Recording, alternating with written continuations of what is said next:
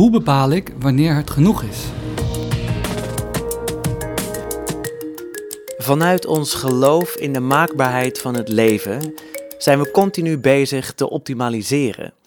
Een fijnere relatie, een uitdagender bedrijf of spannendere baan, interessantere gesprekken met diepgaandere vriendschappen en daarna nog ontspannendere ontspanning.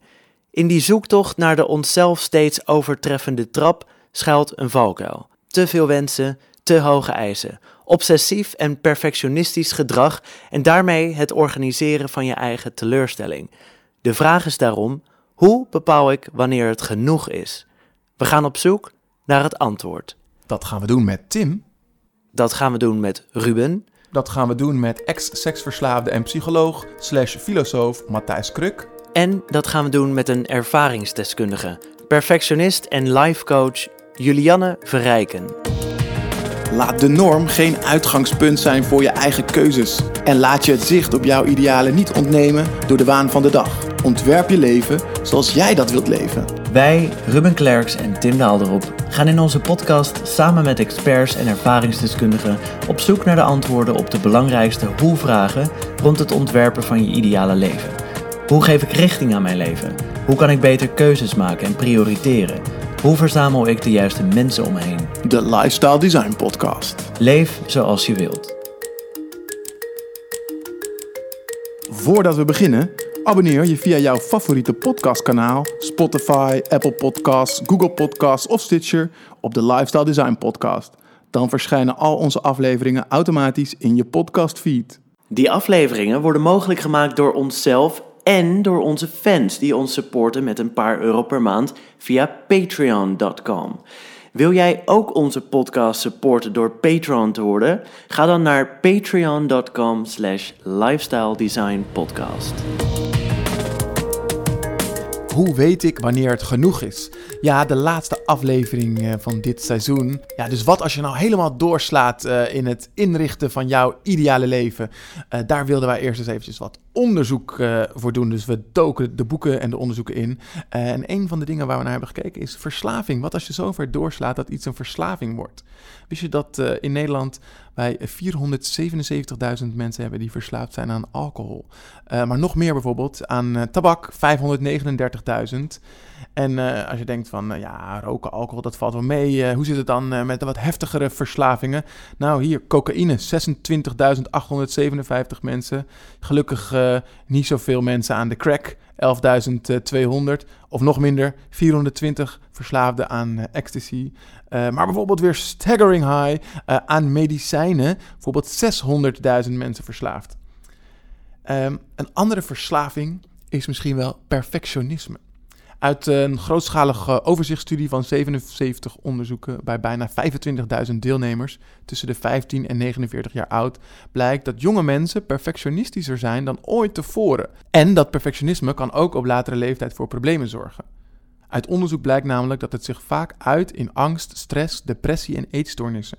De onderzoekers ontdekten ook dat perfectionisten op latere leeftijd neurotischer worden en dus vatbaarder voor negatieve emoties zoals schuldgevoel, jaloezie en angst zijn en dat ze minder gewetensvol zijn.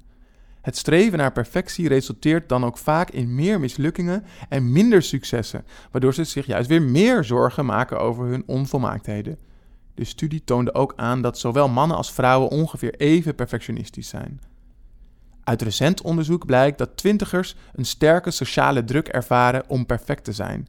Reden voor Jaap van der Stel, lector geestelijke gezondheidszorg aan de Hogeschool Leiden en senior onderzoeker aan de GGZ-instelling Ingeest VUMC, een boek te schrijven over het fenomeen perfectionisme. Jaap van der Stel vraagt zich in zijn boek af hoe het nou komt dat millennials zo perfectionistisch zijn. Uit onderzoek in 2018 komen drie redenen naar voren. Eén daarvan is dat millennials, jongeren geboren tussen 1980 en 2000, geconfronteerd worden met de gevolgen van globalisering. De wereld kent geen grenzen meer.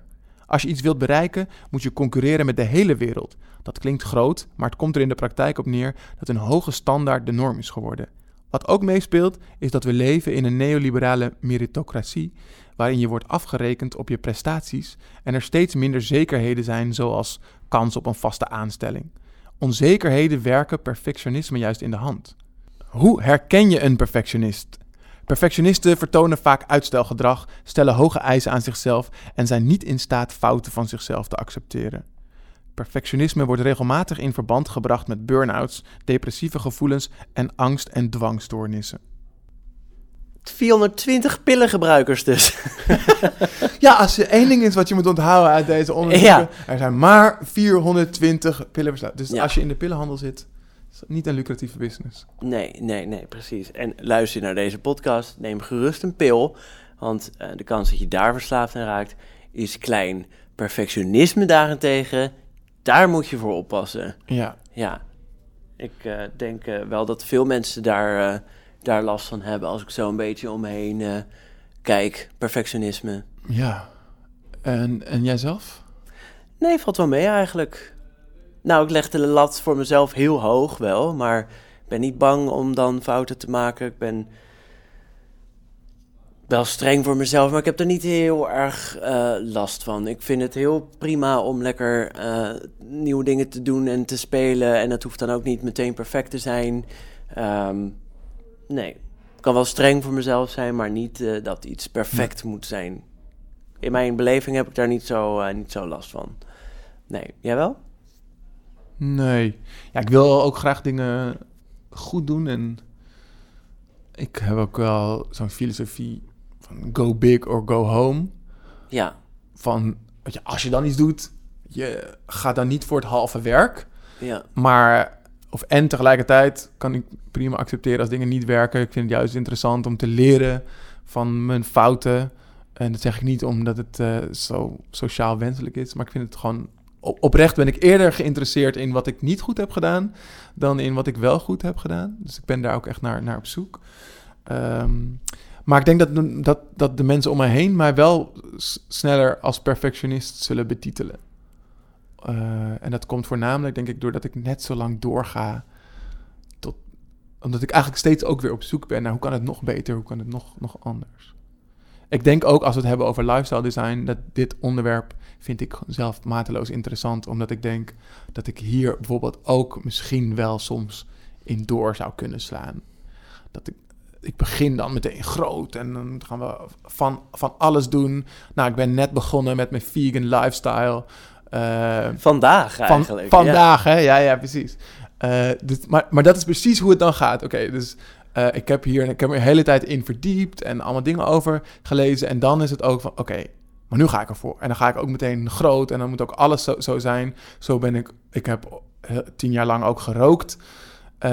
Maar van de een op de andere dag was het ook van, oké, maar dit is niet oké. Ik moet het gewoon niet stoppen en dan groot. En dan ook echt niet van mezelf accepteren mezelf ver, verfoeien als ik dan daarna toch één sigaretje ergens een keertje rookte. Dus in die zin is het wel perfectionistisch. Dan wil Ja. ik het wel goed doen. Goh. En, eh, en überhaupt eh, de neiging om in dingen door te slaan. Dus weten wanneer het genoeg is. Nee, ik denk, denk niet dat ik daar heel erg last van heb. In die zin... Ja, nou misschien dat ik wel, als het gaat over werk, dat ik misschien wel erin door kan slaan. Dat ik... eh, een, van, van de dingen die ik, ik, ik begeleid heel veel groepsessies. En daar kan ik echt in mijn energie en enthousiasme doorslaan. Dat kan je dan heel erg merken aan dat ik vergeet om pauzes in te lassen. Ik ga door. Als je mij acht uur met een groep zou zetten, dan zou, kan ik ook acht uur achter elkaar doorgaan zonder pauze. Eh, dus dan kan ik wel daarin doorslaan. Dan moet ik eventjes ook af en toe eh, bedenken. Oh, wacht even. Misschien moeten we nu even rust nemen en een stapje terug doen. Ja. En jij? Ben jij iemand die doorslaat in dingen? ja, de hele tijd. Maar dat vind ik ook prima. Vind ik lekker. ja. Ik eh, heb al zo heel sterk de neiging om als ik ergens mee bezig ben in mijn hoofd, om daarin door te slaan. Om daar dan redelijk obsessief mee bezig te zijn. Maar dat vind ik ook fijn, vind ik lekker. Het levert me ook wel veel op, denk ik. En soms doet dat even pijn en dan vind ik dat ook wel weer lekker. Of leer, leert dat wat. Ehm, nou, het zorgt er wel voor dat alles wat je bedenkt en wat je wil, wat je doet, dat je dat ook wel, nou, wel lekker intens mee, eh, meemaakt. Ja. Vind ik Hey, ook wel we- fijn. We hebben het in deze onderzoeken over verslaving. We spreken straks ook met verslavingsexpert Matthijs Kruk. Ehm, en in het, in het begin kijken we ook zeker even naar van wat nou eigenlijk een verslaving is. Maar een van de onderdelen waar we zeker op uitkwamen in het onderzoek ook was dat een verslaving. eh, dat je iets een verslaving noemt wanneer je er last van Precies. ondervindt. Dus als je het hebt over doorslaan in dingen, heb je wel eens last ondervonden van jouw eigen manier van werken? Van werken specifiek. Ja, of tenminste van. of uit van de manier waarop ik in elkaar zit. ja, precies. Ja, ik heb wel een eh, bijzondere relatie met eh, drugs gehad, wel een aantal jaar. Dat ik daar wel veel van gebruikte ehm, in de weekenden. Wel recreatief, maar wel zoveel dat ik eh, daar eh, ehm, ja, veel te veel tijd en energie aan heb besteed. En dat je dan door de week, ja, week in week uit door de week aan het herstellen bent en het toeleven ben eh, naar het weekend. Wel veel, veel gedaan. Wat ja. vind jij van de uitspraak dat, dat, dat drugs een manier zijn om iets te ontlopen of te verdoven? Ja, dat kan. Ja. Net zoals dat je eh, heel veel dingen op een goede en op een slechte manier kunt gebruiken. Ik denk dat ik het nu op een hele leuke, fijne manier gebruik. Ehm, maar je kunt er ook wel in doorslaan. En dat, die eigenschap zit er wel in. Dat dat, dat eh, verslavend kan werken. En dat, Maar als jij nu drugs gebruikt, dan is het niet om iets te ontlopen. Mm.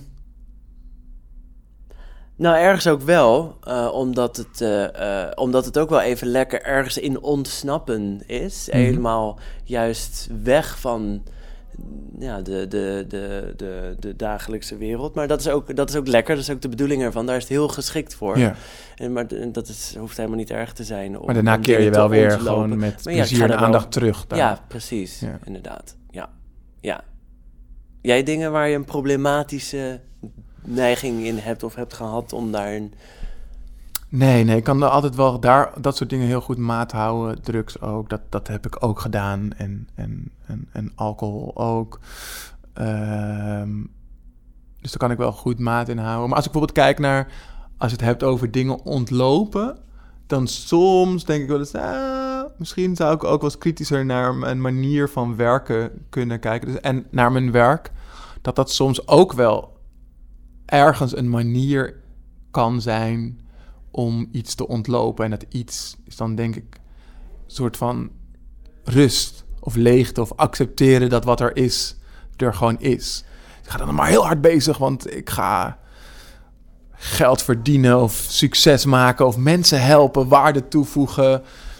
Eh, maar misschien eh, vind ik het ook wel soms gewoon moeilijk om gewoon eh, lekker niks te doen en gewoon te accepteren dat dat er is. Dus dan is het, is het ook, een, een, ook een veilige manier geworden om Ja, daar niet over na te hoeven denken. hele productieve drugs. Ja, Ja. ja. Oké, oké. Nou, heb je de neiging om in dingen door te slaan? We vroegen het een aantal podcastluisteraars. ehm, en ehm, op een schaal van 1 tot 10, gemiddeld kwam daar 5,7 uit. Ja, waarbij dus, eh, als je deze cijfers goed leest, hoe hoger het cijfer, hoe, meer, mensen doorslaan. Ja, precies. Eh, dus eh, Ja. dat het een, een laag cijfer is, net boven een voldoende, betekent dus eigenlijk dat ze in het midden zitten. Dus deze, deze mensen hebben niet een grote neiging om in dingen door te slaan. Nee. Oké. Ehm, we hebben ook nog een boekentip voor je. Namelijk... Prima is perfect. In vijf stappen je perfectionisme loslaten. Van Astrid Davidson. Matthijs Kruk is psycholoog in een filosofische jas. Hij helpt mensen het denken over zichzelf in deze wereld op te rekken, zodat het makkelijker wordt om minder te willen en meer los te laten. Zo werkt hij vanuit zijn bedrijf Mind Your Sex met mannen die vastlopen in hun seksuele patronen. Daarbij put hij uit zijn eigen ervaring met seksverslaving, zijn nieuwsgierige houding en zijn filosofie. Uiteindelijk denk ik dat alles wat wij doen of laten voortkomt uit het feit dat wij ten diepste niet weten wat wij met het leven aan moeten. Matthijs, weet jij inmiddels wat je met je leven aan moet? Nou, eh, je merkt aan mijn ehm, twijfel al dat ik dat nog steeds niet weet. En ik denk alleen dat die vraag voor mij eh, minder relevant is geworden op dit moment. Op dit Dat- moment? Nou, ja, kijk, je stelt jezelf denk ik de hele tijd in je leven continu vragen, omdat je met allemaal dingen eh, te kampen hebt. En ehm, ik denk dat als deze vraag eh, opkomt, dat er een andere vraag onder ligt die je misschien. eh, nee, dat zeg ik natuurlijk eigenlijk niet goed. Eigenlijk is dit de diepste vraag waar alles uit voortkomt. Maar op dit moment ben ik er niet zo mee bezig. Nee. Met een reden dat je er niet mee bezig bent. Nou, volgens mij las ik ooit een column of zo van Martin Bril. Die had zo in, eh, ja, die had in de Volkshand of zo. Die zei op een gegeven moment van... eh, alleen de mensen die geen zin hebben in het leven... die vragen zich af, is er een zin in het leven? Dus als er, als er een bepaalde zin is... dan ga je ook niet afvragen, heeft het leven zin? Dus op een gegeven moment als je niet lekker in je vel zit... of je loopt tegen allemaal dingen aan... dan ga je jezelf vragen stellen eh, van wat moet ik met het leven aan? Maar als jij gewoon door het leven wandelt en een beetje danst, dan, eh, ja, dan is er niet zoveel aan de hand, denk ik. En dan heb je andere vragen te beantwoorden. En wat doe jij op het, op het moment in je leven dat je hier niet over na hoeft te denken? Ehm, ik denk dat ik eh, ja, vertraag. Dat vooral. Hoe ziet dat eruit? Ehm, nou, ik, kan wel meteen heel theoretisch gaan beginnen, maar wat er bij mij opkomt is, als ik naar mezelf kijk vroeger bijvoorbeeld, en dat heb ik denk ik wel geleerd, als je een, een, een, een prikkel ervaart of je hebt een bepaalde emotie of zo, dat je daar meteen op wilt acteren. En als je daar ruimte in neemt, eh, dat noem ik dan vertragen. En dat, dat geeft de ervaring dat je niet zoveel hoeft. En dat geeft een bepaalde rust, waardoor je denkt, het is wel goed zo. En doe je dan in die ruimte niks? Of doe je iets in die ruimte zodat je dat kunt loslaten? Nee, het is eigenlijk in het niet gaan staan. In het niet weten, in het niks doen, eh, in het niets hoeven. Eh, ja. Voor mijn gevoel staat dit alles bijna haaks op de filosofie die zich richt op de maakbaarheid van het leven. Is dat zo? Hoezo staat het haaks daarop? Nou, het loslaten, het rondfladderen, het, eh, het vertragen juist. het Ja. Niet eh, je richten op de zin van het leven of jouw zin van het leven. Dat, dat, dat lijkt daar tegenover te staan. Ja, het lijkt een paradox, ja, dat klopt. Omdat op een gegeven moment als je de maakbaarheid nastreeft, dan, ik zie het meestal zo, dat, dan heb je, laten we zeggen dat je een open blik hebt. Hè? Dat is een open blik, noem ik even 180 graden dan, want je kan niet eh, achter je kijken. Dus dat is zeg maar open als je stilstaat. En als je harder gaat en als je gaat lopen en als je dus iets nastreeft, dat heb je ook als je in de auto zit. Hè? Als je in de auto heel hard gaat, dan wordt je blikveld smaller. Dus dan, als je dus 120 rijdt of zo, dan heb je een aantal graden wat je kunt zien. En dan heb je never nooit die 180 graden wanneer je stilstaat. En als je dus iets nastreeft, dan zie je dus heel veel dingen niet meer, behalve dat ene doel wat je nastreeft. Dus dat kan heel lekker voelen. Dat is ook wel mensen natuurlijk eh, ja, in, een, in een verslaving belanden, omdat je heel erg alleen maar gefocust bent daarop. Eh, dat geeft ook een, een kick natuurlijk. Maar als je dus leert verdragen en je leert dat blikveld opener te houden, dan is er meer mogelijk. Alleen dan moet je dus wel meer overgeven aan wat er gebeurt. En dat bedoel ik een beetje met vertragen. Hoe doe je dat? Vertragen? Nou, zoals nu. Ehm, Ja, wat is, er- wat is er aan nu eh, vertragend? nou, dat je dus pauze neemt. Dat je ademhaalt. Kijk, mm, ja, kijk, hoe doe je het? Alles, of heel veel om ons heen, maar nu wordt het misschien wel een beetje theoretisch, dat is, eh, dat is eigenlijk op gericht om ons te laten versnellen. Bijvoorbeeld, ik noem een telefoon of ik noem ergens iets induiken van eh, Netflix of zo. Of als je kijkt naar social media, dan, hè, dan word je ergens ingezogen als het ware. En hoe je dan vertraagt is in feite dat je een stapje terug doet. En een stapje terug kan letterlijk zijn. Dat is misschien net hè, met wat ik zei over ademhalen. Ja.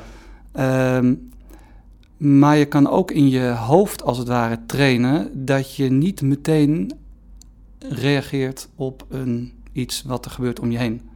Waardoor je dus eigenlijk meer leert ageren. Ja. En is, is dat wat er bij een verslaving gebeurt? Dat je vanuit die eerste reactie reageert en niet vertraagt?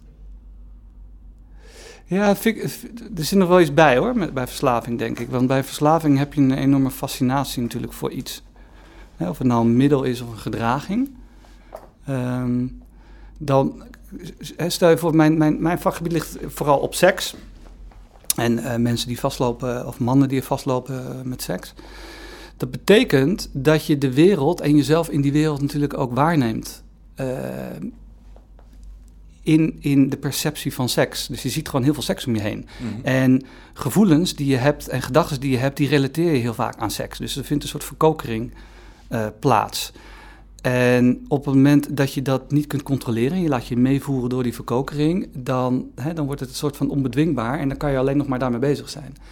Dus als je daaruit wil komen, dan moet je dus uit de verkokering komen. En die verkokering, daar hadden we het net over, dat is als je gewoon te hard gaat. En dan wil je dus leren vertragen.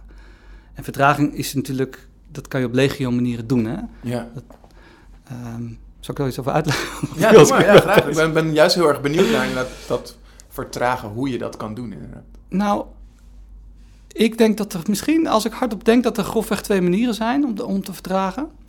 Dat is namelijk, ten eerste zit je in de hoek heel erg van de meditatie en, en yoga en qigong, om maar wat te noemen. Kun je nog heel even uitleggen wat Qigong is? Snel tussendoor. Ja, goede vraag. Eh, tenminste, eh, voor de helderheid. Ehm Qigong betekent letterlijk dat je werkt met energie.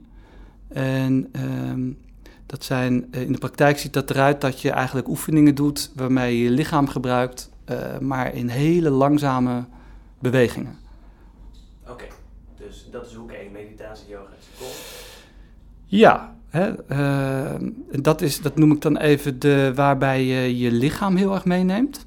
Eh, want mediteren is ook bijvoorbeeld iets best wel heel fysieks. Mindfulness is natuurlijk heel erg in opkomst. Dat is eigenlijk allemaal erop geënt om eh, ruimte te creëren tussen jouw gedachten en je gevoelens enerzijds en jouw zelf anderzijds. Hè? Omdat wij vallen altijd samen, tenminste, je, je, je, je bent eigenlijk prooi van een verslaving aan het worden. En dat gebeurt eigenlijk ook heel erg in ons leven de hele tijd. Is ook bijvoorbeeld in een gesprek, als dat je dingen heel persoonlijk neemt, is omdat wij samenvallen met onze gedachten en gevoelens. En eigenlijk wil je ruimte creëren door meditatie of mindfulness of qigong.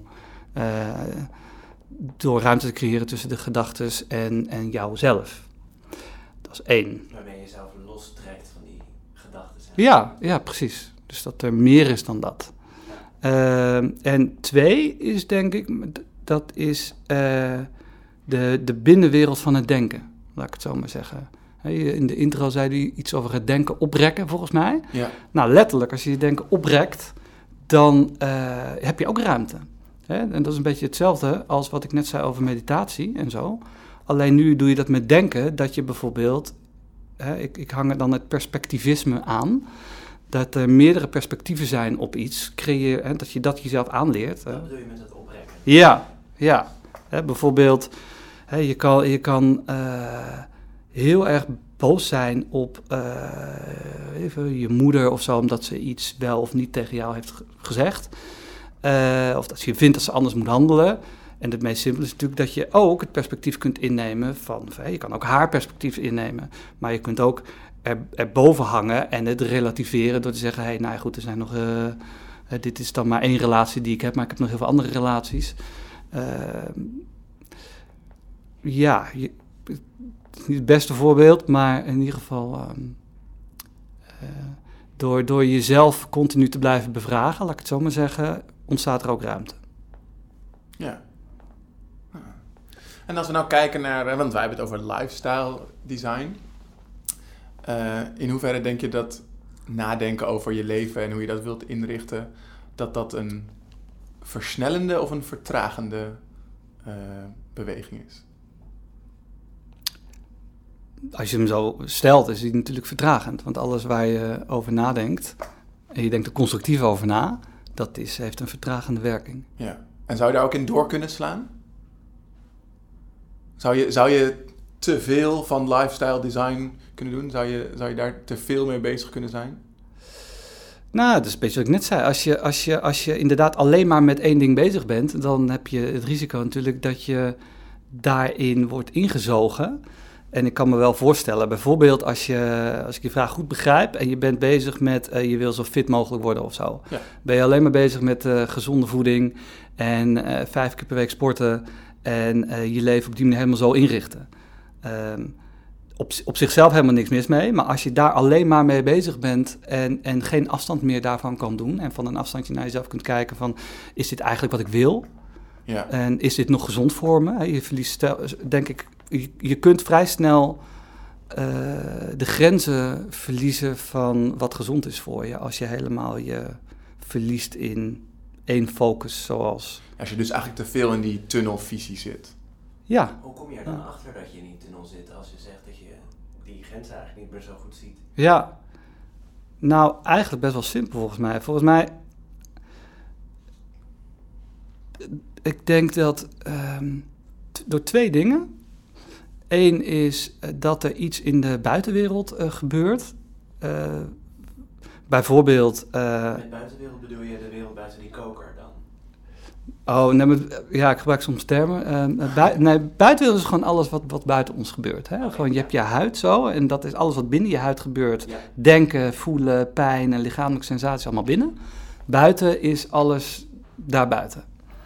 Ehm, dus, met andere woorden, als je helemaal ergens in eh, vastloopt, dan heb je het zelf misschien niet door, omdat jij in die verkokering zit. Maar het moet ergens ten koste van gaan dan. En bijvoorbeeld eh, je werk of, of, je, of je partner of zo. Hè? Bijvoorbeeld als ik naar de mannen kijk die ik zie die vastlopen in hun patroon rondom seks. Omdat ze te veel porno kijken of omdat ze eh, te veel bezig zijn met eh prostitu- prostitutiebezoek of zo. Dan, ehm, dan kunnen ze dat zelf redelijk oké vinden. En misschien er zelf best wel eh, nou, er wel bij varen, laat ik het zo zeggen. Maar het wordt pas een probleem als bijvoorbeeld de partner of de achterkomt en zegt: hé, hey, dat hebben we niet afgesproken.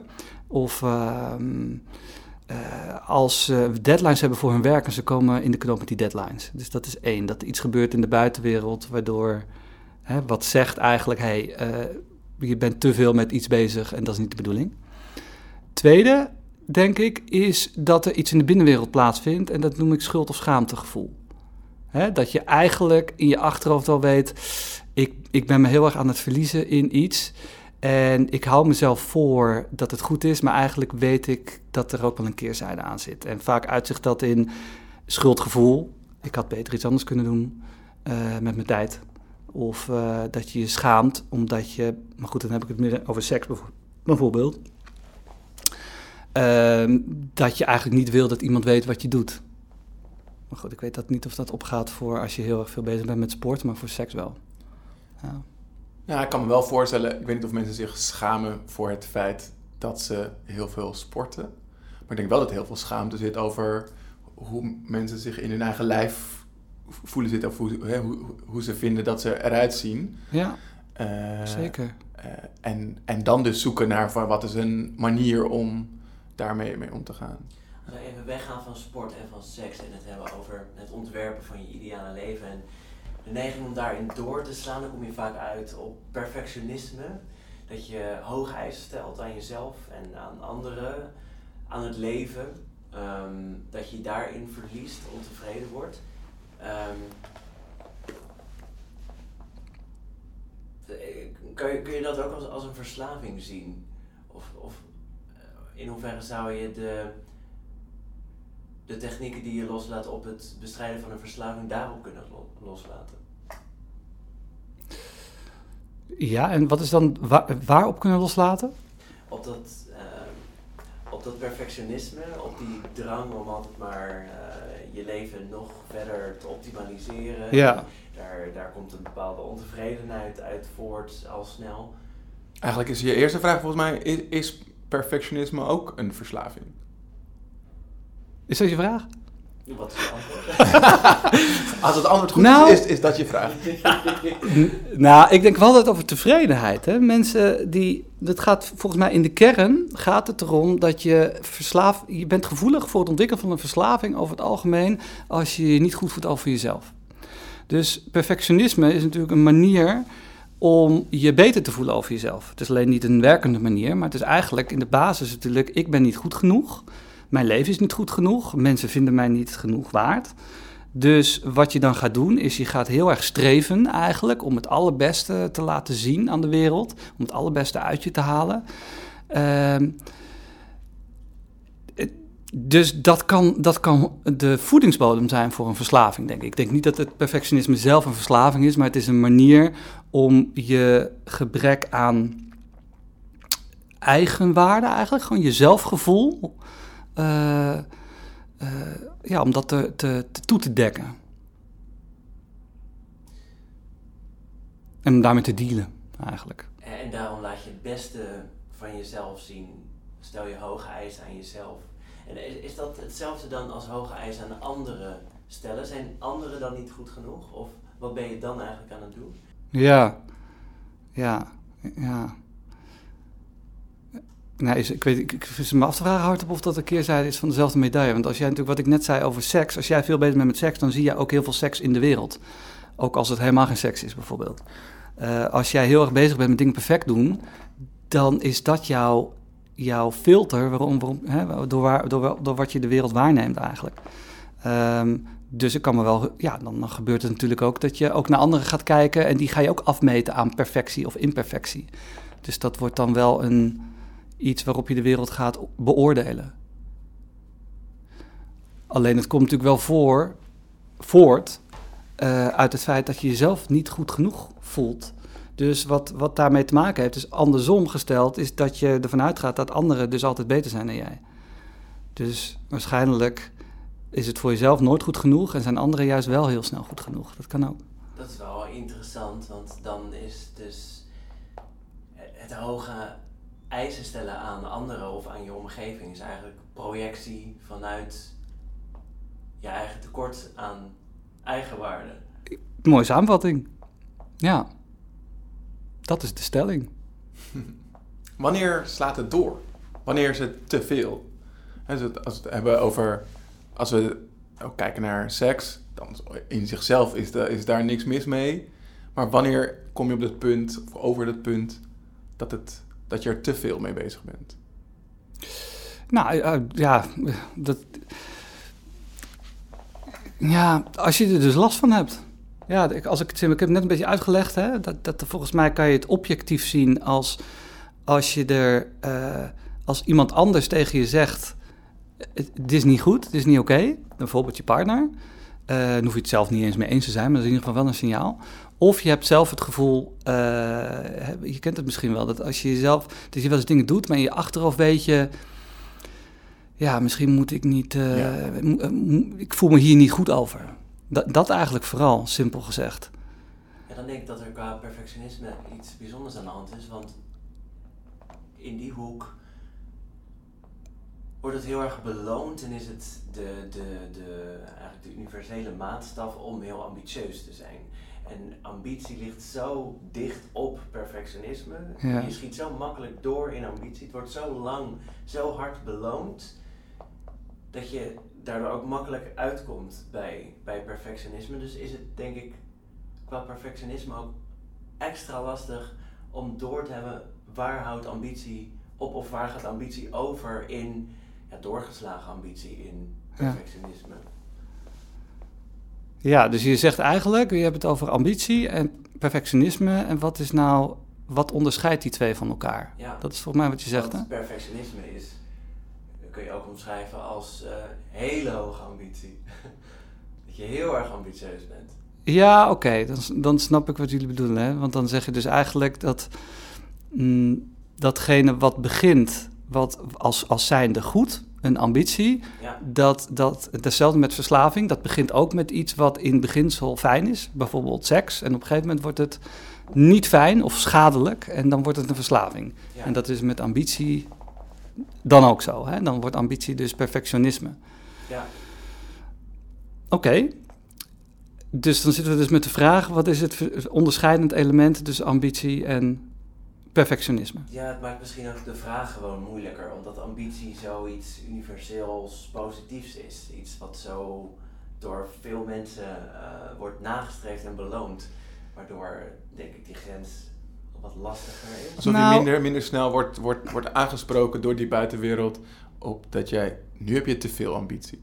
Ja, precies. Eh, per- perfectionisme wordt in die zin bijna gestimuleerd, zou je kunnen zeggen. Nou, er is wel één groot verschil hoor, als ik er even hardop over nadenk. Dat ambitie, dat komt voort uit, ehm daarmee streef je iets na wat, eh, waar jij eh, achter staat. Terwijl perfectionisme, dat, dat is het tegenovergestelde. Hè? Dat, dan gaat eigenlijk ervan uit dat je de lat hebt van ehm, wat nog niet genoeg is. Dus ambitie gaat over wat goed is of wat, mm, wat je als positief zou kunnen betitelen. En perfectionisme gaat om, om niet, als je begrijpt wat ik bedoel. Ja, Misschien heb ik wel een aardig voorbeeld. Ik begeleid, eh, ik zie, of ik zie wekelijks heb ik een, een groep die ik begeleid als psycholoog. En eh, daar zijn ook, zitten ook mensen in die bijvoorbeeld willen stoppen met een, met, met een middel, met alcohol of zo. En je ziet het ook wel vaak bij die AA-groepen. Dan op een gegeven moment, als je wil stoppen met iets, dan wordt het, het middel, wordt, wordt, en dat noem ik dan zelf om niet. Dus het gaat een hele grote rol spelen in je leven. En dan, dat zet je centraal. En, daar, en dan, dan zeg je daartegen, nou dat, dat wil ik niet. En, hè, en alles wat daarmee te maken heeft. Van dat, dat wil ik gewoon niet meer. En als je, ja, gek genoeg, als je heel erg bezig bent met datgene wat je niet goed of wat je niet wilt, dan wordt dat natuurlijk super groot. Hè? Want dat, nou, dat, is, dat is vrij evident om het zo even te zeggen. Eh, hè, je, je kent misschien wel dat, dat fenomeen in de psychologie, dat heet. eh, eh, God, hoe heet het nou? Nou, dat knippen we wel eruit, maar het is in ieder geval. Even vertragen. Ja, goeie. Ja. Ehm, nou, in ieder geval is het. eh, het Is dat het eh, confirmation bias? Dat je datgene ziet waar, waar jij mee bezig bent? eh, nee, nee, ook niet. We kunnen wel allemaal dingen gaan. We gaan nu maken. nee, het, het- laat ik het zo zeggen. Ik noem het dan. nee, het is in ieder geval het effect. Bijvoorbeeld, als ik aan jullie vraag: hè, denk niet aan een sinaasappel. Dan moet je eerst een sinaasappel in je hoofd nemen, en dan, maar dan niet. En dat is hetzelfde met, eh, eh, met die mensen in de groep. Hè? Priming. Nee, ook niet. Ook niet. Weer. Het olifant in de kamer effect. Ja. Bij deze, een nieuw effect. We hebben een, we hebben een naam. Ehm, en wat ik merk bij die, bij die mannen of bij die mensen in die groep die daar zo mee bezig zijn, is dat ze het heel moeilijk vinden om hun leven anders in te richten, omdat ze zo bezig zijn met hè, dat niet te doen. En het grappige is dat ik zelf twee jaar geleden, niet omdat ik een groot probleem had met alcohol of zo, maar gewoon ook als experiment, dacht ik, weet je wat, ik ga een jaar lang gewoon geen alcohol drinken. Als een soort life hack. Hè, zo. Ja. En ehm, als er één ding is wat ik van het jaar heb geleerd... en natuurlijk ben je in het begin wel een beetje bezig met... oh, dan kan ik dat dus niet doen. Maar op een gegeven moment kwam ik in de loop van het jaar erachter... wat het me opleverde en, en, en, en verschoof mijn aandacht niet van... ik bleef niet hangen bij wat ik niet kon doen... maar wat ik zag is dat het mij veel meer verbinding gaf eh, met mensen. Dat als je er namelijk alcohol tussen zet... tussen, tussen, tussen jou en een ander... Dan, dan gaat het altijd ten koste van de verbinding is mijn stelling in ieder geval. Ehm, Een harde stelling. ja, Kun je daar iets meer over zeggen? Want eh, alcohol wordt ook wel een bindmiddel, smeermiddel eh, genoemd. Dus deze moet je heel eventjes nog... ja, dat snap ik. Hoor. Maar dan wil ik wel even eh, Ja, de degens kruisen. nou ja, het is niet dat het mijn mening is. nee, dat snap ik, dat snap ik. Nee, maar ik, het wordt heel vaak gezegd hè, dat het... nee, dat het zo gezellig is. En Ja. dat betwist ik ook niet per se. Alleen, waar we mee begonnen is natuurlijk dat... als je een open blik wil hebben, dan moet je een open bewustzijn hebben. En elk middel wat je gebruikt, elk geest- of bewustzijnsveranderend middel, vernauwt je bewustzijn. Hè? Dat, is, dat is ook nog een stelling, want heel vaak hebben we het over be- bewust verruimende middelen, Mhm, bewustzijnsverruimend. Maar elk, elk middel leidt je af van het hier en nu. Dat is niet erg trouwens, hè? Dat, mag, dat mag je prima doen. Maar in het hier en nu heb je een relatie tot, nou, tot anderen bijvoorbeeld, of tot de wereld. En die relatie die kan alleen maar optimaal zijn als jij je bewustzijn openhoudt. Als jij dus je bewustzijn vernauwt, en alcohol doet dat ook. Want eh, alcohol, om maar één ding te noemen, wat heel veel mensen hebben, is dat je bezig bent ook met misschien wel de volgende. Of dat je afgeleid wordt door je eigen eh, toestand. Hè? Omdat je denkt, oh, ik voel me wat licht. Nou, alleen die afleiding leidt je al af van het contact met een ander. En als ik iets heb ervaren hè, in, in dat jaar dat ik zelf dan een jaar niet dronk, was het dat ik mijn waardering voor sommige dingen begon te verschuiven. Dus mijn waardering voor verbinding werd veel groter. En ik zag, ik werd daar echt vervuld, dat vervulde mij meer dan dat ik, eh, dan dat glaasje alcohol. En inmiddels drink ik af en toe wel weer, maar eh, nooit, niet meer zoveel als toen trouwens. Of minder, laat ik het zo Met zeggen. die verbinding bedoel je het gevoel dat je connected bent met de ander waarmee je op dat moment praat. Ja, ja. Ja, en, en, en ik hoor je dus eigenlijk ook zeggen dat je dus in plaats van dat beeld voor te houden wat je niet wilt, dat je iets anders moet zoeken waar je wel naartoe. Ja, want hè, we hadden het net over ambitie en perfectionisme. En mijn vergelijking was natuurlijk van als je dus je kan ook bezig zijn met helemaal geen alcohol.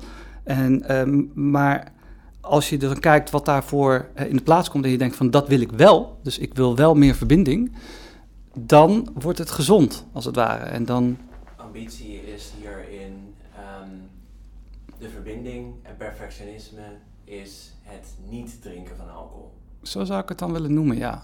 Omdat perfectionisme heeft alleen maar te maken met dat je, wat je nog niet goed doet. Hè? En ambitie gaat over wat je wel wilt bereiken. ja.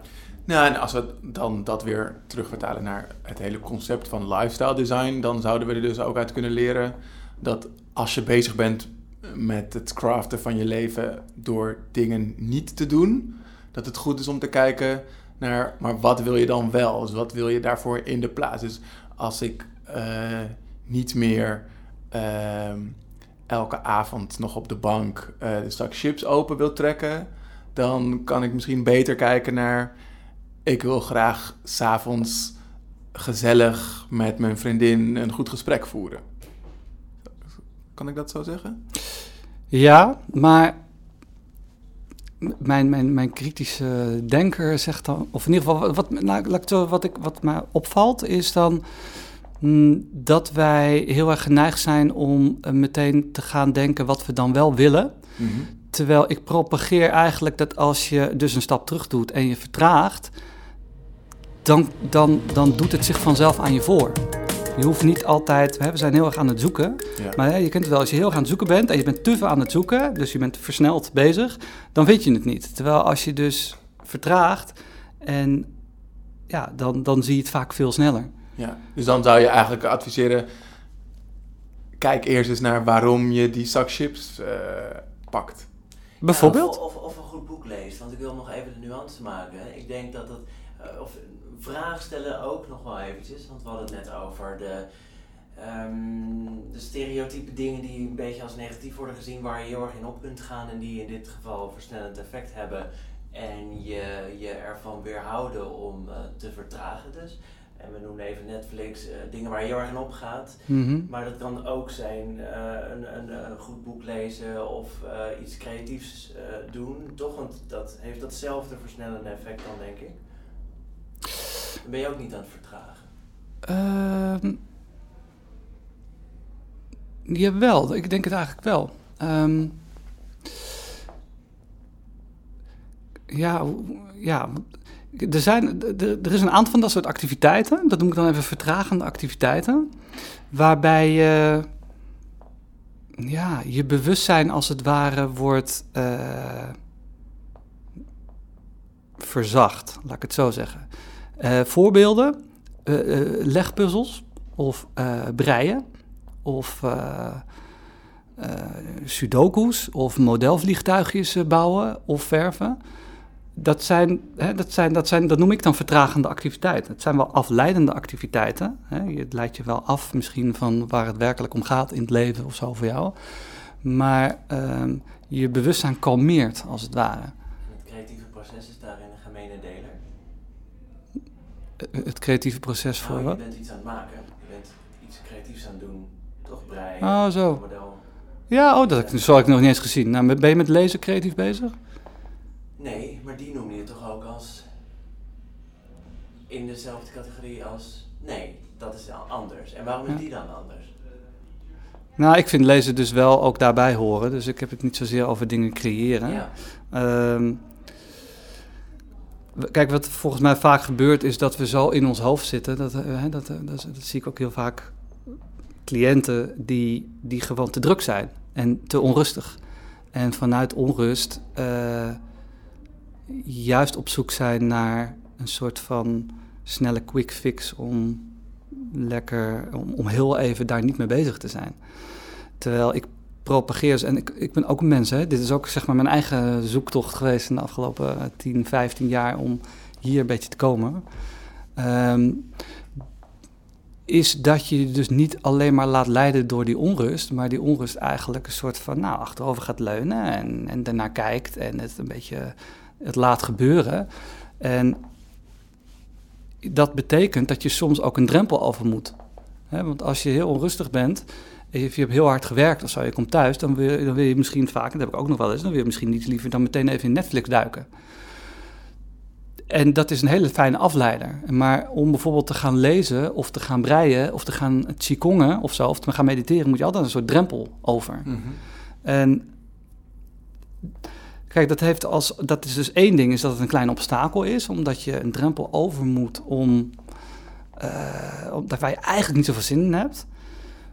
Maar mijn visie is eigenlijk dat als je in je leven heel vaak die drempeltjes neemt, dat dat bijdraagt aan je eigen waarde. We hadden het net over perfectionisme, dat dat een gevolg is van dat je eigenlijk, je voelt jezelf een beetje leeg of je wil jezelf vullen met prestaties en met oordelen van anderen. Maar eigenlijk gaat het natuurlijk om dat je een goed oordeel leert vormen over jezelf. En dat oordeel leer je volgens mij eh, te vormen door hele kleine drempeltjes te nemen, die als het ware opstapelt in je binnenste. Dus je heel veel drempeltjes hebt genomen, dan kun je tegen jezelf zeggen, hé, hey, maar ik doe het eigenlijk goed. Dan heb je niet meer die oordelen van anderen nodig. En wat dan als die drempel daardoor verdwijnt? Dan kan je dat niet meer gebruiken als... Nee, maar dan is het een gewoonte geworden die ik constructief noem. Hè? We hebben het nu over dat je vastloopt en dan wordt iets destructief. Bijvoorbeeld als je veel met seks bezig bent en te veel om de verkeerde redenen en je hebt er last van, dan is het destructief. Maar stel je voor dat je in plaats daarvan elke keer dat je onrustig voelt, maar je gaat niet de kant van seks op, maar je gaat de kant op van iets eh, waar, je, nou ja, waar je qua normen en waarden en ook waar achter staat. Ehm, dan, dan is dat je nieuwe constructieve gewoonte geworden die bijdraagt aan het, gevoel over jezelf. Dus Dan heb je geen drempeltjes, niet- minder drempeltjes meer nodig. Maar dan kun je wel grotere drempels nemen trouwens, hè? precies. Een andere drempel, nieuwe drempel. Ja, want die begint met kleine drempels, maar op een gegeven moment, als, je, als dingen die je heel spannend vindt, over ambitie gesproken, dan ga je die dingen wel durven en doen. En, en grotere keuzes, eh, misschien wel het uitmaken met je partner, of eh, eh, een, een huis kopen, of je baan veranderen, of de, of de marathon lopen. Ja. Ja. Ik ben ook nog wel benieuwd eh, hoe jij tegen de, ik ga het grote C-woord inzetten, de coronacrisis aankijkt. Wow. Omdat het ehm, voor heel veel mensen ook juist meer ruimte in hun agenda Ja. heeft gebracht. veel meer tijd met zichzelf te, te, door te maken. Denk je dat dat nog blijvende effecten heeft voor de manier waarop we eh, met onszelf en dat vertragen omgaan? Ja. Nou ja, de eerste vraag is natuurlijk van, heeft iets ooit een blijvend effect? Dat, dat weet ik niet. Ik denk het eigenlijk niet, want het leven is natuurlijk wel een komen en gaan van allemaal dingen. Allemaal continu verandering. Ehm, ik kan wel vanuit persoonlijke visie zeggen dat ik hoop van wel. Eh, volgens mij zijn mensen over het algemeen op zoek naar verstilling en, en, en verruiming. Ehm, en die hebben ze nu gekregen. Hier, Eh, daar komt wel onzekerheid natuurlijk bij waar je mee moet dealen. Ehm, Maar even, wat was je, wat was je vraag ook alweer? Dan kan ik even... Of je, of je denkt dat het nog gevolgen heeft voor hoe we in de, in de toekomst omgaan met tijd voor onszelf nemen. Nu dat we eigenlijk ja. gedwongen in die situatie zijn beland. Nou, zoals dat gaat, va- vaak gaat, denk ik, met dingen, is dat iets waar je eh, plezier aan hebt beleefd. En wat je vaker wil, is dat je daar natuurlijk, ehm, als de coronacrisis of, of eh, als het zometeen een beetje voorbij eh, is, dat, dat er veel mensen nog wel een beetje de naweeën zullen ervaren. En, maar dat het vervolgens aan iedereen persoonlijk is om te kijken, je hebt nu een soort van cadeau gekregen, hoe het ook kan, om vervolgens je leven in te richten eh, ja, met deze nieuwe kennis en nieuwe ervaringen. Dus het wordt makkelijker om je leven in te richten. Maar ik vraag me, mensen zijn wel heel erg geneigd om terug te vallen in oude patronen. Dus dit is twee maanden. Ja. Het is twee maanden een, een, een ontzettend cadeau. Sterker nog, als je uit in de psychologie kijkt, dan zie je altijd dat hè, je hebt gemiddeld, bizar geno- genomen, 66 dagen nodig om een nieuwe gewoonte in te sluiten. Heel toevallig heb ik vanaf de eerste ja, lockdown-periode, die geen lockdown is, heb ik een nou, soort dagboek bijgehouden. Of in ieder geval, elk, ik schrijf elke dag een stukje op mijn socials. En eh gisteren was dag 63. Dus volgens mij zijn we zo meteen precies 66 dagen, iets meer, hebben we van de aarde of van, eh, van, van de regering tijd gekregen om nieuwe gewoontes in te bouwen. Dus ik, ik hoop voor iedereen dat hetgene wat, wat goed voor je heeft gewerkt, dat je dat doorzet. Maar daar moet je dus keuzes voor maken. Hè? ja, en dan heb je ook wel al die 66 dagen dat die nieuwe gewoonten moeten inzetten. Jij hebt elke dag een stukje geschreven. Dat, dat ga ik dus wel mee door, trouwens. Ja? nou niet elke dag denk ik, want daar, vind ik wel, eh, daar ben ik wel veel tijd mee kwijt. Maar je nu nog helemaal niet zeggen, je zit op dag 63, pas over drie dagen. ja, dat klopt. Ja, nee, ik ben te snel. Ja, dat, Nee, maar mensen die bijvoorbeeld in deze tijd wat vaker eh, gingen vertragen om voor zichzelf eh, dingen op een rijtje te zetten, ja. hebben dat nog steeds niet elke dag gedaan. Dus ze hebben niet die eh, 66 iteraties gehad, waardoor het ook onderdeel van hun systeem werd. Dus zij moeten eigenlijk meer leunen op ja, die paar keer dat ze het misschien noodgedwongen toevalligerwijs hebben gedaan. ja, ja, Of je eigen lockdown organiseren in plaats van wachten totdat Mark die aankondigt. ja. Er zijn, er zijn heel goede manieren voor, toch?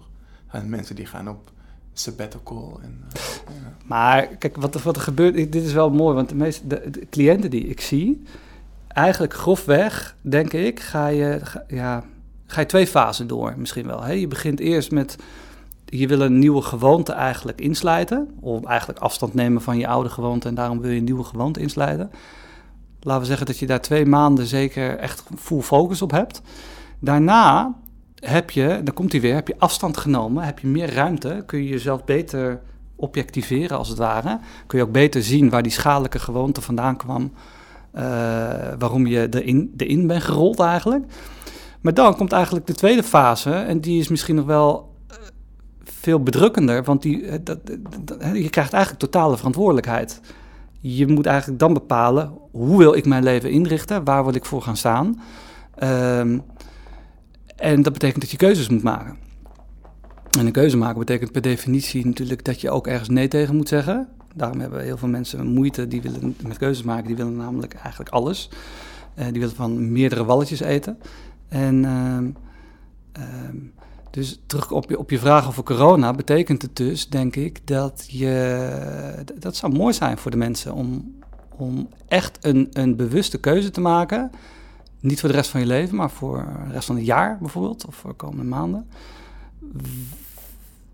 Ja, wat, wat belangrijk voor je is en hè, dus een intentie uitspreken en vervolgens daar, om dan weer te koppelen aan ambitie, hè, je hebt eerst een intentie, maar dat, vervolgens wil je dat concretiseren in een doel. Dat zou mooi zijn als je, als het goed is, heb je meer ruimte nu om beter te zien waar je voor je wilt staan. ja. Dankjewel. Alsjeblieft. Elke aflevering hebben we een verhaal voor je. Een verhaal van iemand die iets bijzonders heeft meegemaakt en dat met ons, dus ook met jou, wil delen. Julianne Verrijken van krachtlifecoach.nl, op haar website vind je handige artikelen om met perfectionisme om te gaan, liep als ras-echte perfectionist tegen de schadelijke gevolgen van haar eigen perfectionisme aan. Stress, boos op zichzelf, boos op anderen en zelfs eenzaamheid en neerslachtigheid. Hoe verlegde zij haar aandacht van de dingen die niet goed gaan naar de dingen die wel goed gaan? Tijdens mijn leven, ik ben nu 32, wilde ik het altijd iedereen naar de zin maken. Ook wilde ik graag laten zien hoe graag iets kon of wilde dingen graag heel goed uitleggen. Dit resulteerde er bijvoorbeeld in dat ik verslagen maakte van ruim 20 pagina's in mijn stagetijd in jeugdzorg. Ik kreeg dan als feedback uitgebreid verslag, toch iets te uitgebreid, met de vraag of ik het de volgende keer iets beknopter kon doen. Als ras echte perfectionist is dat geen feedback waar je heel blij van wordt. Je denkt bij jezelf: ik heb mijn ziel en zaligheid hierin gelegd, ik loop hier een aantal maanden rond en dan wil ik zo goed mogelijk weergeven wat ik heb gedaan en waarom ik dat heb gedaan. Ik wilde dus heel graag uitleggen waarom ik iets goed kon of waarom ik iets juist niet goed kon. In mijn ogen moest ik dat doen zodat hun begrepen wat ik dacht. Natuurlijk zien hun mij ook elke dag op de vloer en hebben ze daar eigenlijk een heel goed beeld van. Nogmaals, als perfectionist is dat niet wat je wil horen. Die wil graag horen, nou, heel goed gedaan. Alle punten heb je meegenomen, je krijgt van mij een 10. En ook dan is het vaak nog niet goed genoeg. Dat is waarom perfectionisme zoveel tijd kost. Je blijft maar bezig met perfectioneren en aanpassen. Het is nooit goed genoeg. Dat is nou ook meteen de uitdaging in een perfectionistisch zijn. Ook op mijn werk, eh, later dus, hè, na mijn studie, wilde ik graag collega's helpen en anderen van dienst zijn. Dit resulteerde erin dat ik altijd heel veel taken op mijn bordje had, want ik zei altijd ja en ik doe het wel.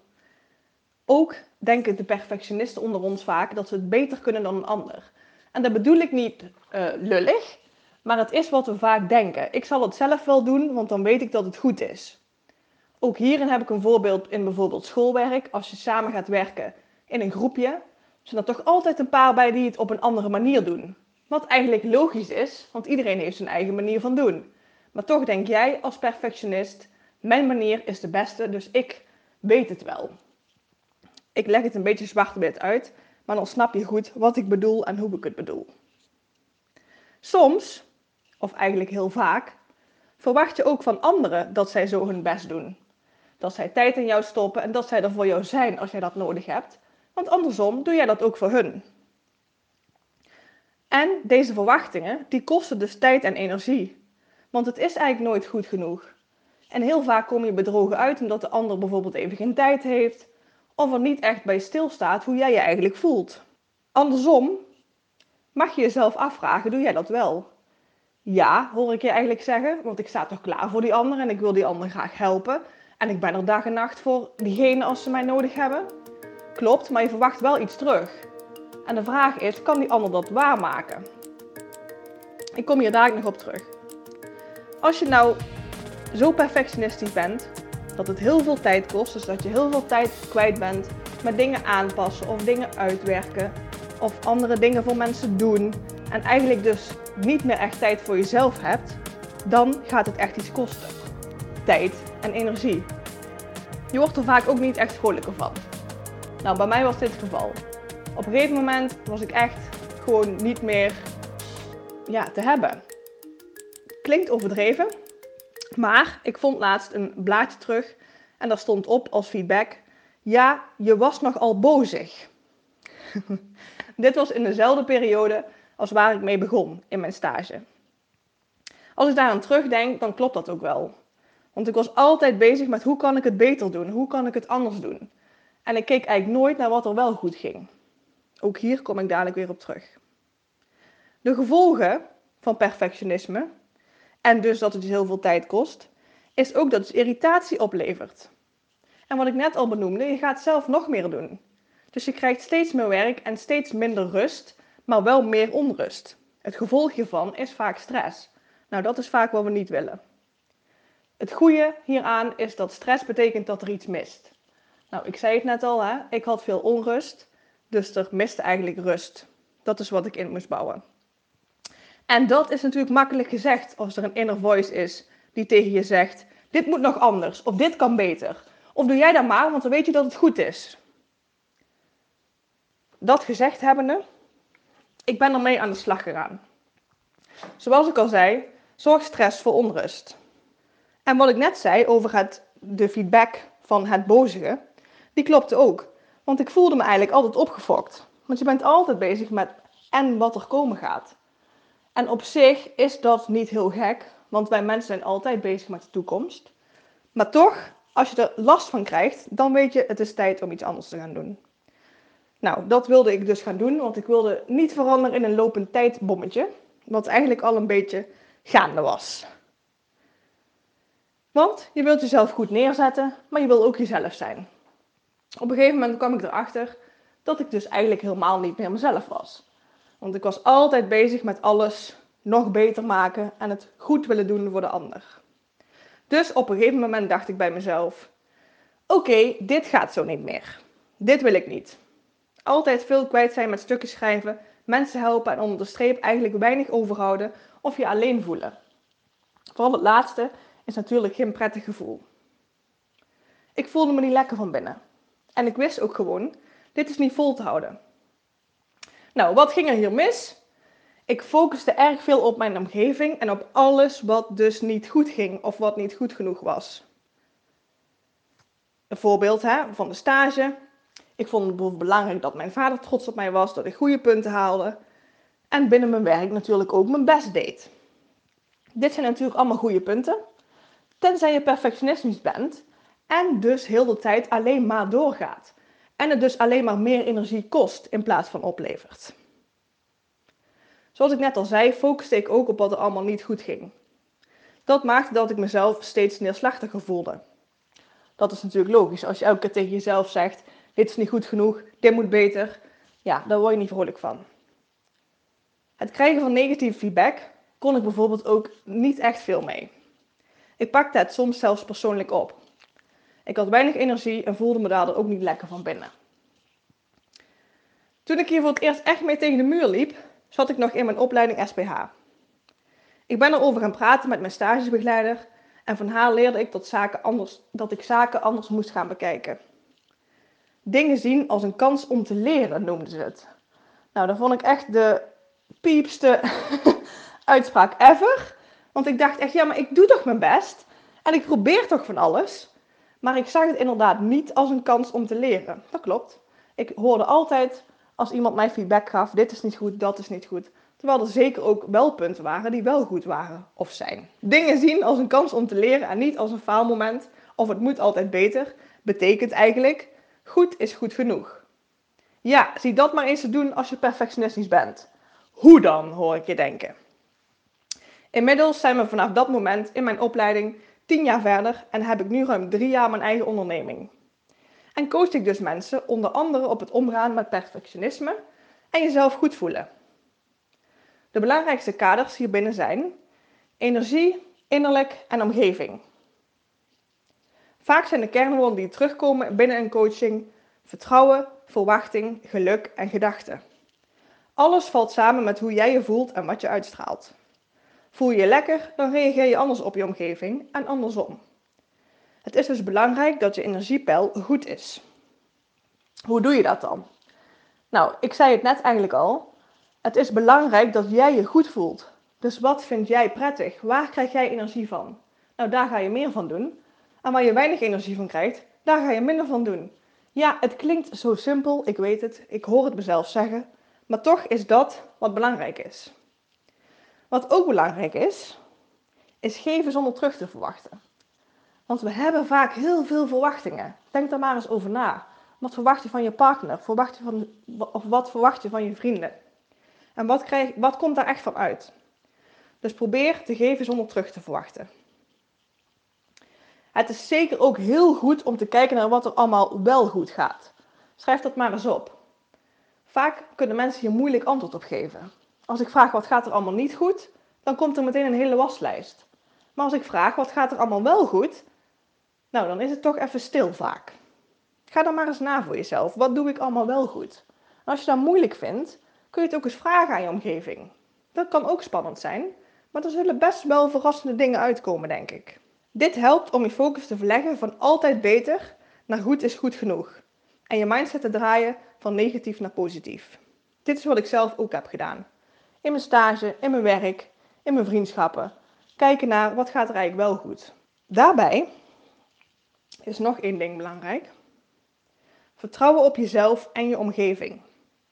Wat daarbij belangrijk is, is jezelf omringen met mensen die je laten groeien, die je laten groeien en helpen en het vertrouwen hebt dat het goed komt. Alles heeft zijn goede en minder goede kanten. Omarm dat. Niemand is perfect en er is ook niks aan om perfect te zijn.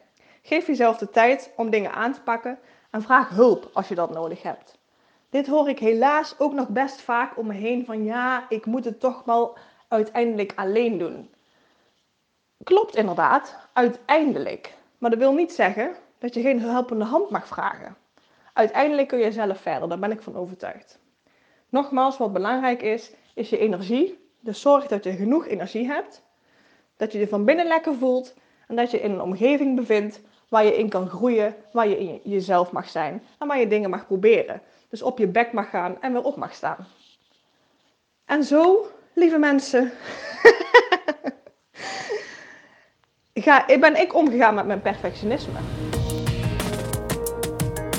Hoe weet ik wanneer het genoeg is?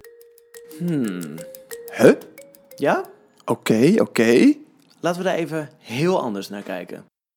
Aan de andere kant kun je jezelf wel in de gaten hebben dat iets genoeg is. Kun je dat zelf doorhebben? Kun je zelf bepalen? Nu is het genoeg.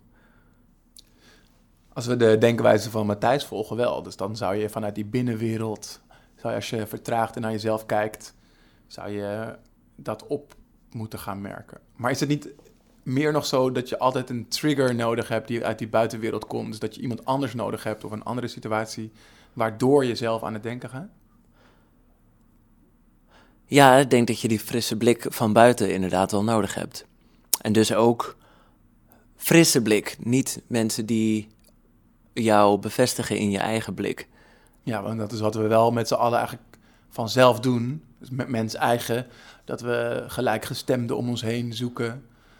Uh, dus als je niet oppast, heb je alleen maar mensen om je heen die het precies met jou eens zijn. Ja, ja en als je veel op sociale media zit, um, waar je gesprekken voert, maar waar je ook soms vrienden uithaalt, omdat je dan elkaar daarna in, het echt ontmoet.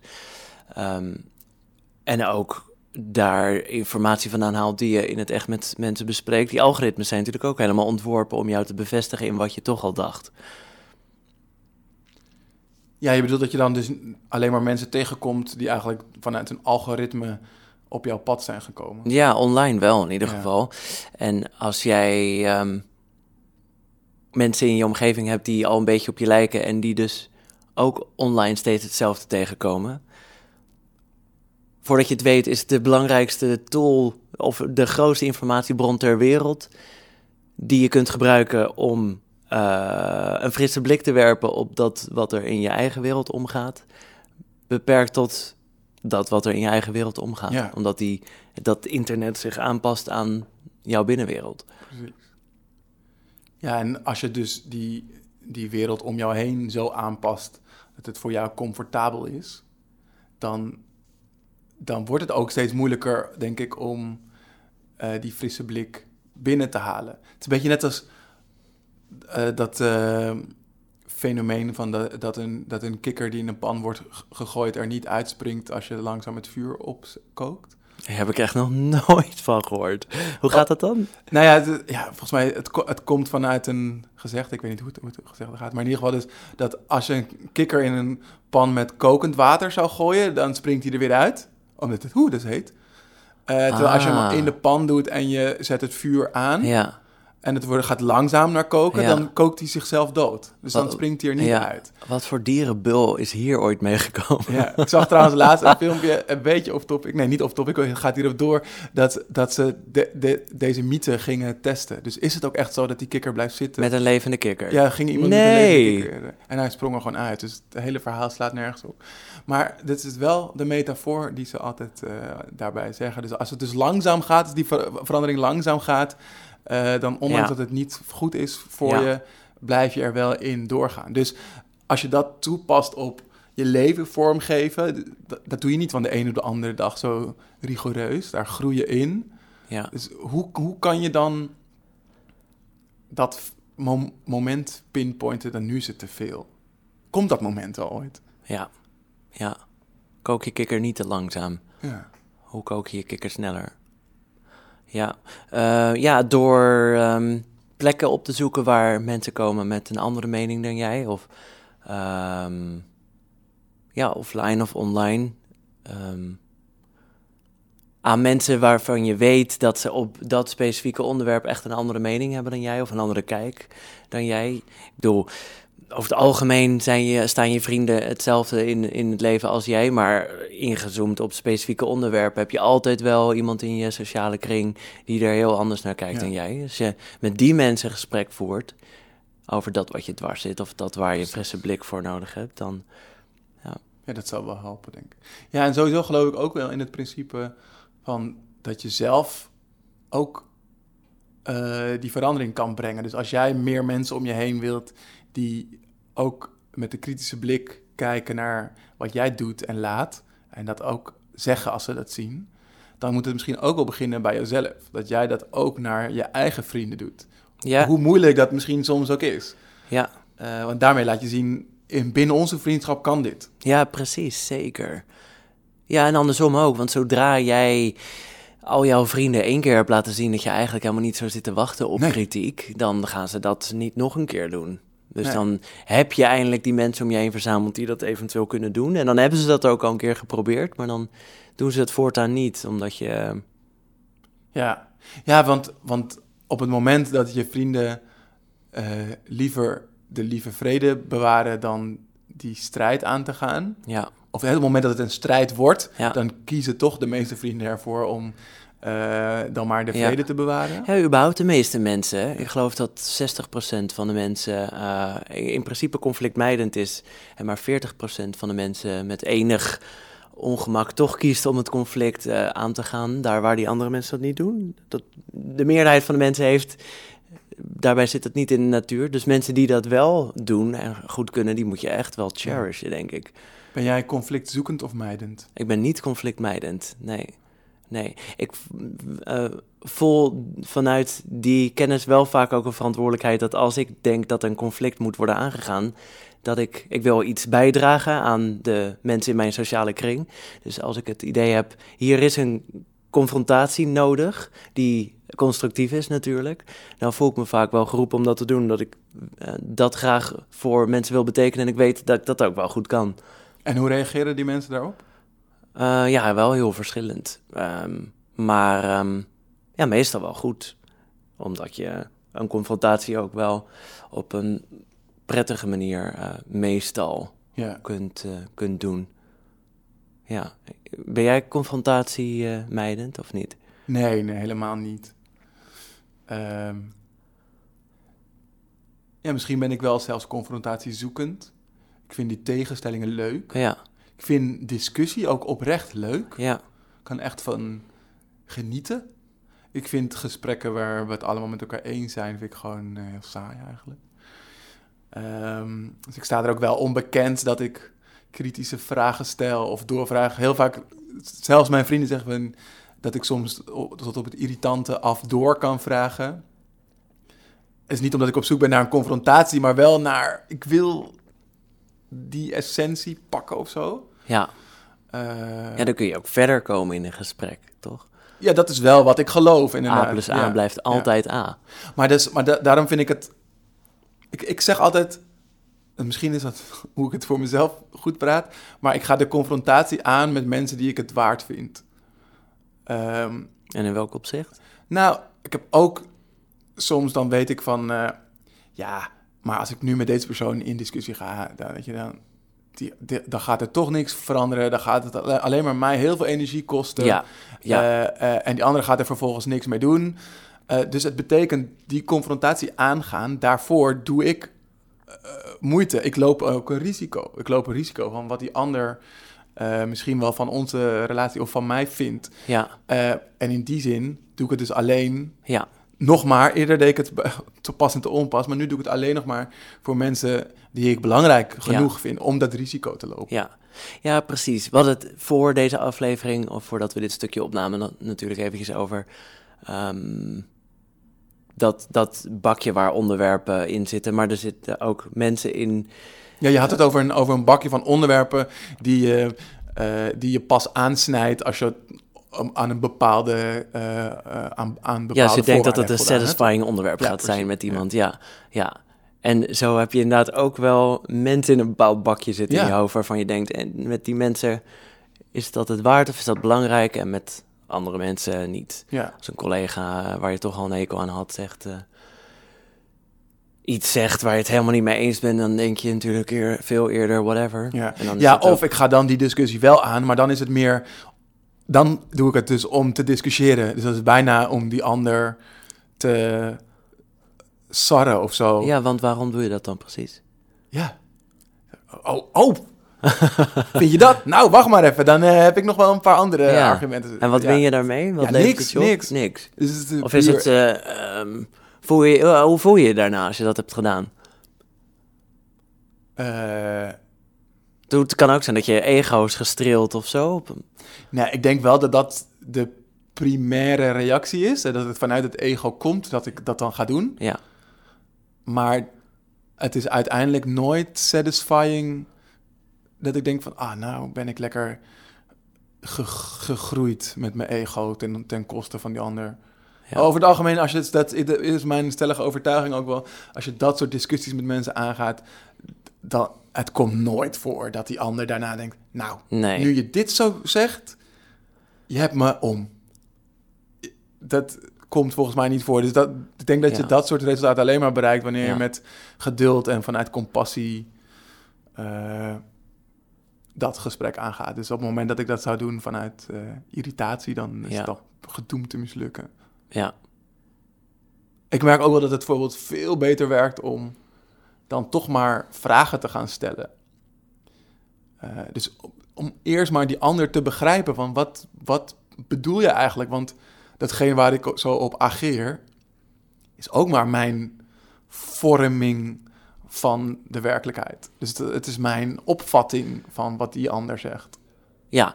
En met een vraag zet je iemand veel meer aan het denken dan met een antwoord. De- Ja. eh, therapie is ook niet voor niks op die manier ingericht, omdat Ja. je bij het geven van het antwoord je realiseert dat jouw antwoord misschien nog eh, wat eh, work under construction eh, is. Ja. Ja. We zijn veel te lang aan het doorpraten. Hoe lang? Het zit al op 11 minuten. Elf? Ja. Oh, oké. Kunnen we nog een, iets aan een afronding doen, dat we aan het einde nog iets eraf knippen? Eh, want we Eh. hadden het dus aan de andere kant bekeken. We hebben het niet gehad over die door die weerstand heen. Maar misschien moeten we dat ook maar niet doen, want dan hebben we nog een extra onderwerp. Ja. Het is dus dat je het eigenlijk nooit genoeg kan doen en dat je andere mensen nodig hebt om... eh, Ik denk, dat we gewoon, de er, eh, ik denk dat we er wel gewoon een stuk van af kunnen knippen. en dan gewoon eindigen. Ja, Oké, dan eh, want we eindigen sowieso wel hiermee abrupt. ja, bij die Er andere... zijn wel een paar ronde momentjes, volgens mij. Dan nog even dit. Wij, Ruben Klerks en Tim Daalderop, worden van weinig dingen zo blij als het maken van deze Lifestyle Design podcast. Hoewel wij als lifestyle designers al onze tijd beschouwen als vrije tijd, maken we deze podcast in onze vrije vrije tijd. Met andere woorden, we verdienen er niets mee. Dat vinden we eigenlijk wel fijn, want zo is onze podcast 100% vrij van adverteerders. Dat betekent dat wij kunnen maken wat wij willen maken en jij daarnaar kunt luisteren zonder dat je tussendoor van die irritante reclames hoort. Wil jij ons helpen de Lifestyle Design Podcast advertentievrij te houden en nog beter te maken met nog diepere gesprekken en nog toffere gasten? Support ons dan voor een klein vast bedrag per maand dat je zelf kiest op patreon.com slash lifestyle design podcast. Als dank voor je support krijg je, naast een nog betere en advertentievrije podcast, toegang tot exclusieve gesprekken met experts, ervaringsdeskundigen en onszelf. Vol tips, tricks en inzichten rond het ontwerpen van je ideale leven.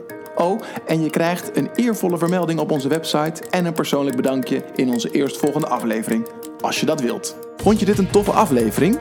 Vergeet je dan niet te abonneren op deze podcast. Gewoon hier op het kanaal waar je nu naar luistert. En we vinden het ook leuk met jou in contact te komen. Wat heb jij gehaald uit deze aflevering? Hoe heeft het jouw leven verbeterd? Deel het met ons. Mail ons op hallo at lifestyledesignpodcast.nl It's a wrap! Seizoen 2 van de Lifestyle Design Podcast zit erop. Ik moet bij raps altijd denken aan Mexicaans eten. Het is ook een rap, klopt. Ook, ja. Dat terzijde. Inderdaad, dit is, dit is het dan. Voor, dit seizoen. Ja. ja, we hebben echt met heel veel plezier gewerkt aan dit seizoen. Ons helemaal kunnen onderdompelen in eh, allemaal verschillende vragen over hoe je je leven meer vorm kunt geven. Hopelijk vond jij dit eh, ook net zo leuk om te luisteren als dat wij het vonden om te maken. Eh, als je nu bij deze aflevering bent en je hebt nog niet de andere afleveringen van seizoen 2 geluisterd, doe dat dan zeker. Luister die terug. En eh, ja, wij gaan eh, ons voorbereiden op een volgend seizoen. Volgend jaar komen we terug, hè? Seizoen 3, ja. Ehm, en dan kun je verwachten, nou dat weten we eigenlijk nog helemaal niet. Dan kun je verwachten. Dan kun je verwachten dat er een derde seizoen zal zijn. Ja. Maar waar dat hoe over gaat, En in wat voor vorm? Ja. Eh, ja, dat, eh, dat gaan we weer onderzoeken. Als jij daar ideeën over hebt, of eh, tips, suggesties over onderwerpen, of dingen die we absoluut moeten doen in de Lifestyle Design Podcast, laat het ons dan weten. Ja. ja, en of als je te gast wil zijn, ja. als expert of ervaringsdeskundige. Of je hebt iemand ontmoet waarvan je denkt dat hij echt de gast moet zijn. Laat het ons dan ook weten. Je kan dan sowieso altijd mailen naar hallo at lifestyledesignpodcast.nl en eh, dan gaan we zeker jouw mail beantwoorden. Wij gaan in de tussentijd ook weer andere dingen doen. We hebben nog heel veel andere toffe projecten. Dus je zult eventjes niets horen van de Lifestyle Design Podcast. Maar als je het leuk vindt om ons te blijven volgen, dat kan eh, via verschillende social media kanalen. Tim Daalderop en Ruben Klerks. Eh, vinden we leuk en misschien kunnen we ook eh, via die weg in contact blijven. Niks aan toe te voegen. Tot seizoen 3. Doei!